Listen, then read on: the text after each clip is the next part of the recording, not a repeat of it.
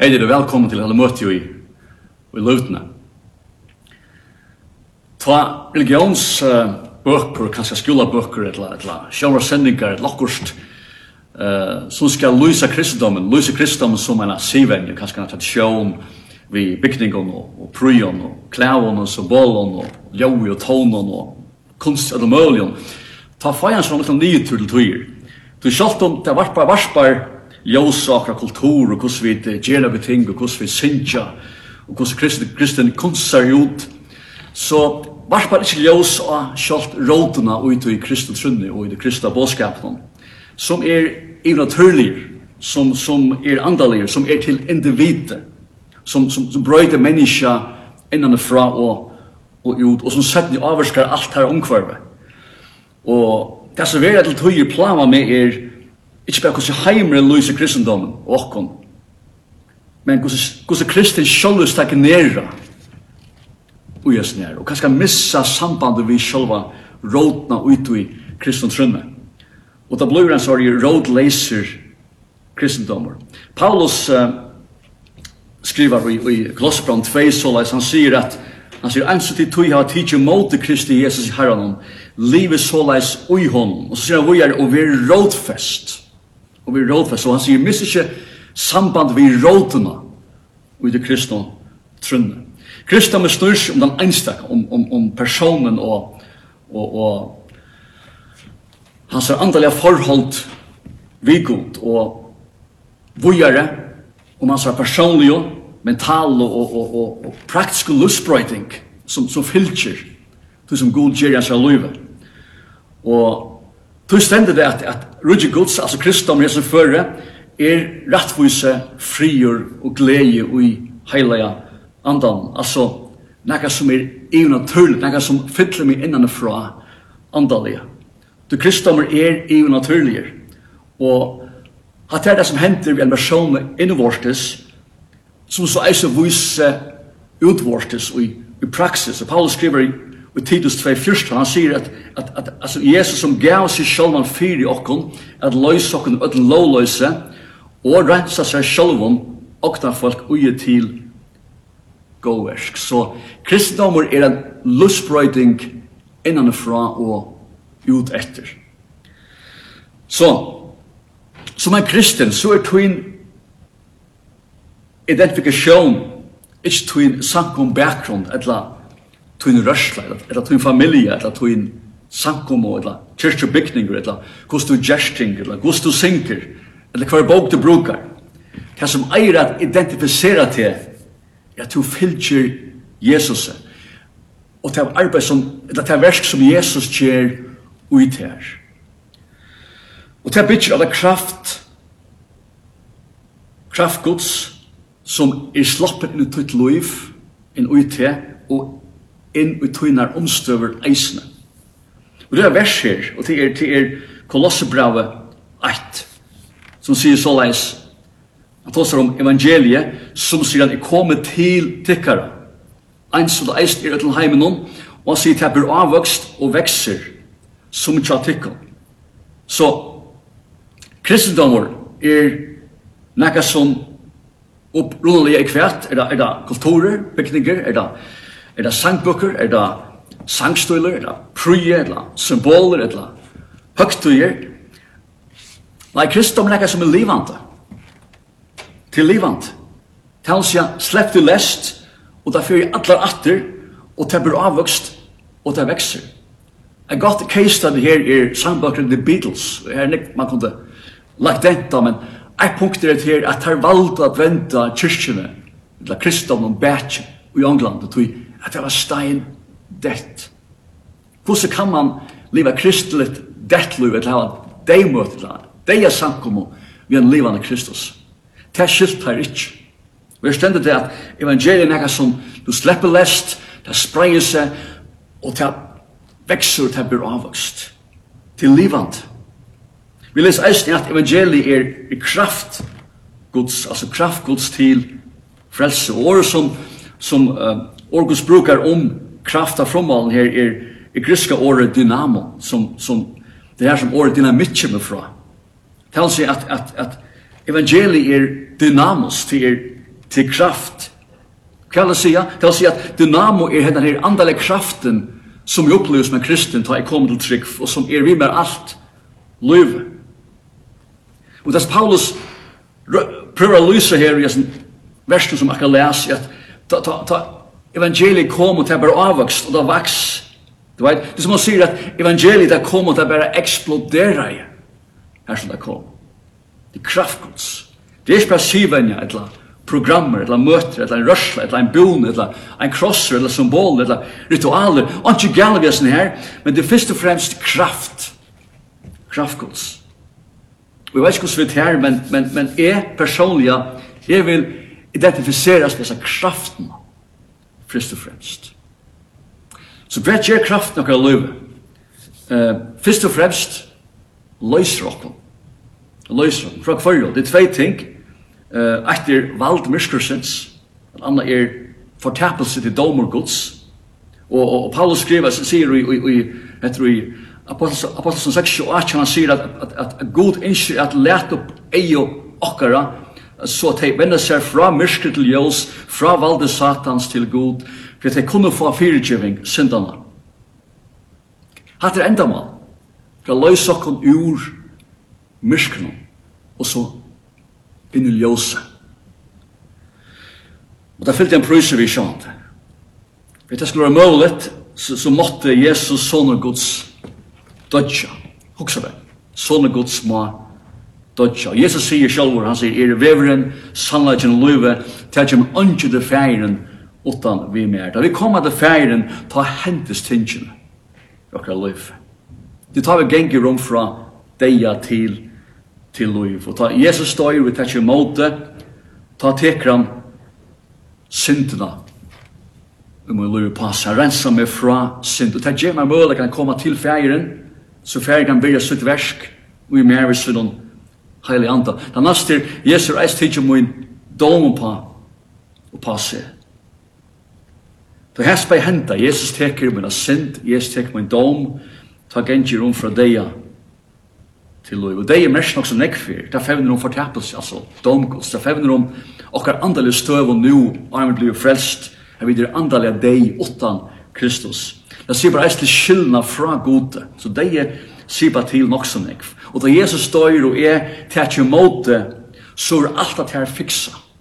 Også der, at her fiksa. Et annet som hender her, da jeg måte Jesus blir frelst er lusbrøyting. Til at det som også vi stæljer, lusbrøyting. Da to er frelster, Jesus kommer inn, ta, ta for lusbrøyting fram.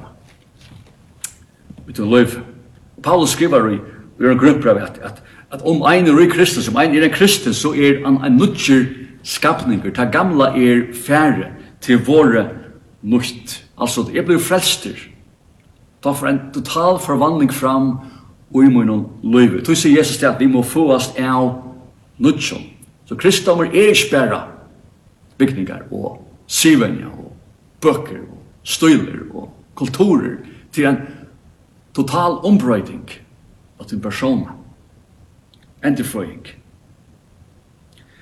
Jeg har selv opplevet her, jeg var unge tannåringer, og mange har opplevet her reisende. Jeg, vet ikke enn for, for noen år siden enn samkom i byen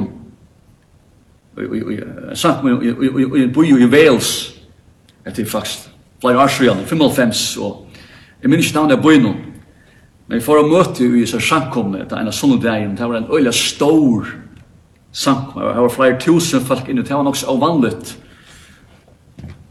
ta av døven i halvfemsen.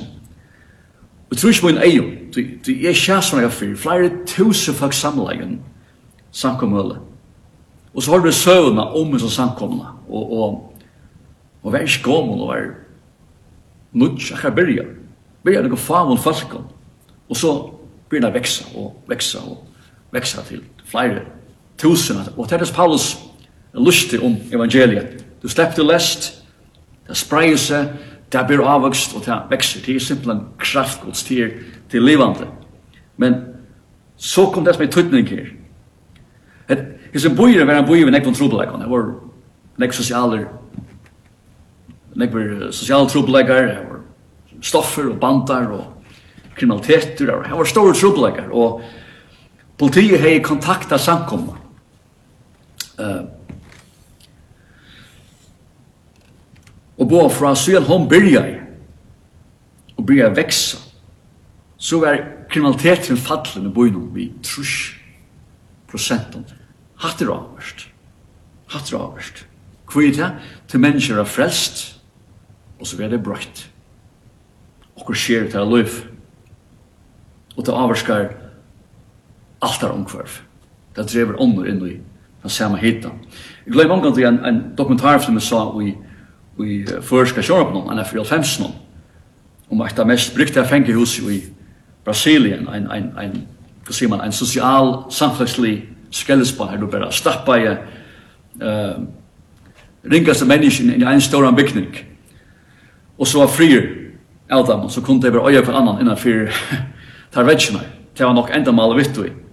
Altså et helvede av gjør konsentrera vår ønskaper og egnom steg. Et steg her fengar blir drypner jaunan og fengar vår neitekner og punter dagliga. Og så kommer evangeliet innom og ein til nekker på frelster og så flere og så nær om atler. Om det tusen fengar av meg, min kjatter. Og hva skjer? Ønskaperen stekker. Ønskaperen stekker. Og jeg minnes en den danske journalisteren som uh, skulle vidja fangst, han kommer til Dittnar og benkar på, og han der at det er ikke fengavører. Også, ikke fengavører. Fengene gengar sjolv i liklom. Så også man kvært vær hatta for nak. Hatta kristom. Etter bøyblen. Og jeg personlig som sier, jeg vil ikke identifiseres vi nekka anna, kvart vi krossar, eller pryer, eller sanger, eller bygningar, eller nekka som helst, jeg vil identifisera meg med, ta kraftna som er kristnum, som, som er kristnum, som kommer bæra djøknum, Jesus Kristus. Min einasta, min, einasta identifikasjon er at jeg er en etterfylgjare Jesus, og Jesus virskar i min liv, Jesus avarskar mitt liv. Så som kristne er vi nutjer skapningar, Jesus er videre salt, videre ljós, heimsins. Ein annan døme om kraftgods, er øyla ekstremt døme, voles døme. Jeg velja at takka voles døme fram til ta velja viser at ikke er mulig fire gode. Uh, ein person som jeg har arbeidt nok snakk vi uh, for Arne Søyene, ein amerikaner som kalles David Watt, en som jeg personlig har kjent og arbeidt vi da vi var trupper i Ånglande. Og vi arbeidet vi middel folk fra imenskom religionen, og det som er vi fektsvitvan, det var, det var tjekk, vitt. Så vi tjekka oss. En av munnen, en av munnen samerska mannen, vi var David Wood. Og så ene fyrir kjer man til Ånglands, til tjekk han skal være vi i. Og, og, til David og ein muslimer, og evne er kvivet vald og at a brøyta. Til David var ein god løsning, at ister som blei kristen, og muslimer var en katolikker som blei muslim. Som blev, som, som blev, som blev muslim. Og det er vult det første letja fram om Musutlui, hvor han valgte å brøyta. Og, og, og der skulle bare tvær greia fra om tar Luif. Og David er en, en stor høver, kraftigere maver, og Han byrjar að segja sig orðin, han segir, ta er liver at, at, at fortelja om mitt liv, ta veiti sig hann. Flesta tykkun, fyrir ekki tóra fram her og hals på mig och tacka mig hånden och, och han, han är rätt att passa i. Och han grejde fra som liv som, som, som smadronger eh, Over overhålls rikt liv, torfort liv. Det avvarskar hur han var och, och, och hur han var och hur han sa heimen.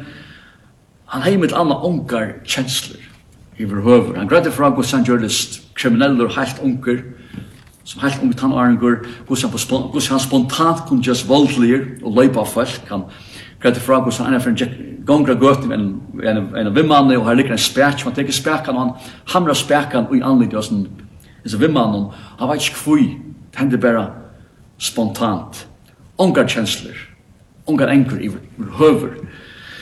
Og en er for som han, han, han legger etter, men pappen kvuiles jo, det er han til han sletje håndene og han løyper av papan og slår høttene, slår sletje høttene, høttene av papan og flere ferier, inntil papen ligger her halv dager.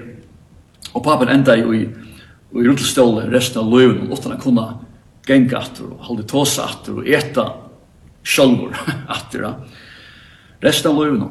Og David Breyer frag hos politiet kjem etter han blir jaksaver i Rattland bojen og han løyber sjekk til sust og svimer svimer i rommet her er og og her ender han en sånn tomatgær og han greier frag hos han trakkar tomatene for øya så nekv som møvlet lengt så. Men han ender i, i fangslet. Og han som han deiler selna vi i fangslet, det er en, en kristen, en som blir kristen ui, i fangslet. Det vil seie at hvis det var neka som han heta i iver alt annan i løven, så var det kristne folk. Det skulle deila selna, David og sin her.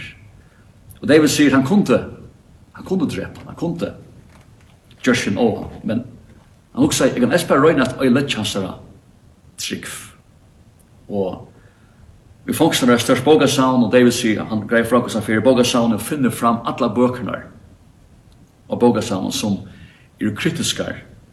Vi Guds ekstense, kritiska vi Bibelen og vi kristendomen som sitter spurning vi alt, og han, han leser alt jökna, han setter sin uta, for jeg setter sin her fängande, som nutja kristna mannen som blir kristen torfra spurningar. Vi tar vanlig med mannen for å missa sina trygg.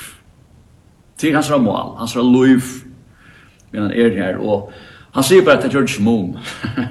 du hest steg oppleva nek, han har oppleva kraften ui kristendom, han har kommet forboi alt det her, forboi okkar amarska rationalitet og okkar argumenter. Han har vært oppleva god, og ta rikkar ikke anna. Og så er han først å beda kappast hvor kan, hvor kan fasta langt. Så David ville prekva for jessen er kristna at han kunne fasta langt enn Jesus. Han kunne fasta meir enn 40 dagar. Så det er færre gong til den kristne gjør opp nok så kjøtt, men David heldur av. Han er malig, han halde an til endan og det som skjer til at David blir sjukker at han har tver viker. Og han blir avvarda sjukker enda vi av sjukkerhusen og i fengerhusen og, og, og samtidig er det en isolasjonscella. Og han ligger for deg i isolasjon, nær om det Og ta här man ta här man liksom natt botten som löper ja. Og det her David for at søtja god för första som löp. Ja, han vet han han har natt botten, det er inte mer. Löper her i just det. Og han veit akkurat hos, hos, han veit vel hva evangeliet er, hos det ljóar, hos man bier, Og han sier så skal så leis i bønnes, han sier, han sier, til veit god hva det er, men støve, det er en psykopat, sitter i fangsle, i isolasjon, og en sjukaleve, nær om deir. Og så sier han, god, du veit eisen, jeg trygg ikke på det, sier Men hvis du er til, hvis du er til, og hvis du høyre med, Og du vil ta meg, så er vi ena bøn, sier han, til er brøyt meg. Brøyt meg. Han sier ikke takk med rundstøvnen, et eller annet. Ikke løy som han bedre, et eller annet. Han sier bare brøyt meg. Han vekker det mest. Så jeg tar ikke mål til Jesus, så vil han ikke skapninger. Han får bare til det. Han sier bare god, brøyt meg. Og David sier så leis, han sier til hende på et sekund. På et sekund var det en brøyter personer kom fyra mig atter. Og det er sterk søv. Og det er det er det som, som, som, som evangeliet snur seg om. Ikke neit? är å brøyde okra liv. Brøyde mennesker. Paulus kunne selv vittna om, om suttsti i rom fra deia til liv. Han er forfyllt av kristne til dem. Han er dripefolk. Han er han er puska folk. Han, han han han lyser som en lyser sig show som en spottar som en ätsökare som en våldligan per person så knappligan kuvente från snär till det över det resten och han skriver i glossbrevet så att, att, att han säger att god drive han från allt det myrskersens och flott han in i rujtje äska sonarsens alltså från myrskenon in i ljus och ta bröjdes okkara löv till myrske ligger etter ikke, right? Så det var, spår, det var, det var mitt spår Paulus her. Viktig minnes til at vi blir frelst til å takke mål til Jesus Det står ikke om at gjøre ring mennesker gå til til å sjuble ikke. Det står ikke om at gjøre det som er dett dett livant dett livant og her skal Guds kraft til her må endreføying endurføring til. Og til er testen er vi at bo at her og i det. Lustbrøyding. Ombrøyding. Grunnen til vers som Jesus gjør det av krossen som han døye, tog denne sint, tog en dom, alt det som du strys i bein nu, alt det som gjør det som du er bein nu, myskre, han tog alt det her på han se, for jeg fri at han tog den dom meisen. og han reis opp, Og det er det som jeg får bli det i det man omhugsa. Omhugsa. Totala lustbøyre som bare god kan gjøre til en liv. Jeg ganger om fra deg til liv, at gjør seg nytt menneske, og han ser hva forskeren hever, er båret på, og vi bærer ødel på nekv. Vi er ødel fengere av forstøyene. Men Jesus er jo tidlig alt og på oss. Alt som skal til nu, til nu for tunna sjøy er at tryggva. Tryggva. Det stendt at, det stendt at, at, at om du i munnen jottar Jesus som Herra, og trus til i hjärsta, at God reist han opp fra en deio, så skal du være frelster. Altså gong du i rom fra deia til lui fra myrskenon til Jose. Så trykk på at Jesus døye og reis opp. Fyrt den synder. Og så gjerne, gjort han som herra, gjer Jesus til herra, uten av. Det er mest at du vender vi og gjer gode tutt liv, så et nytt liv kan byrja. Ok, skulle enda her, skal jeg bena bøn, og så, men for beder jo med at, at omvoksa akkurat dette. Så kan vi at du er bare kommet av her, du gong, du du du gongs av møtt i røver, så er det ikke trykk av røver, men du lustar, etla. du kan ikke møtt alt ditt liv, hver er du i løtene? Hver er du ved i løtene om du rannsakar til sjølvan? God innskja brøyta tutt liv. Herre, vi takkar deg fyrir at du er sånn stårer, veldig og allmektig god, og har ikke er til her og møvlet. Og han sier hver vid er støtt, og han sier hvordan akkurat framtid ser ut. Herre, så ikke to at gjerne kan nytt. Herre, ikke gjerne akkurat til nødjar, skapningar. Og jeg bidra på at du talar og ideen til okkon. Herre, med at gjør djevokra liv til toinar. Og liv at her endur få okkom. Gjør okkom til nutjar personar fyrir. Bia djom, Herre.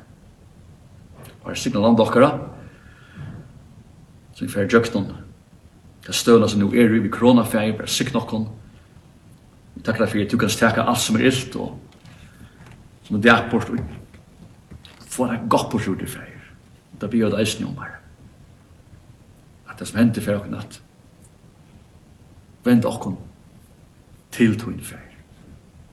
Så du kan slippe inn okker liv og teka myrskri vekk feir. Be at du må Jesu navn. Amen.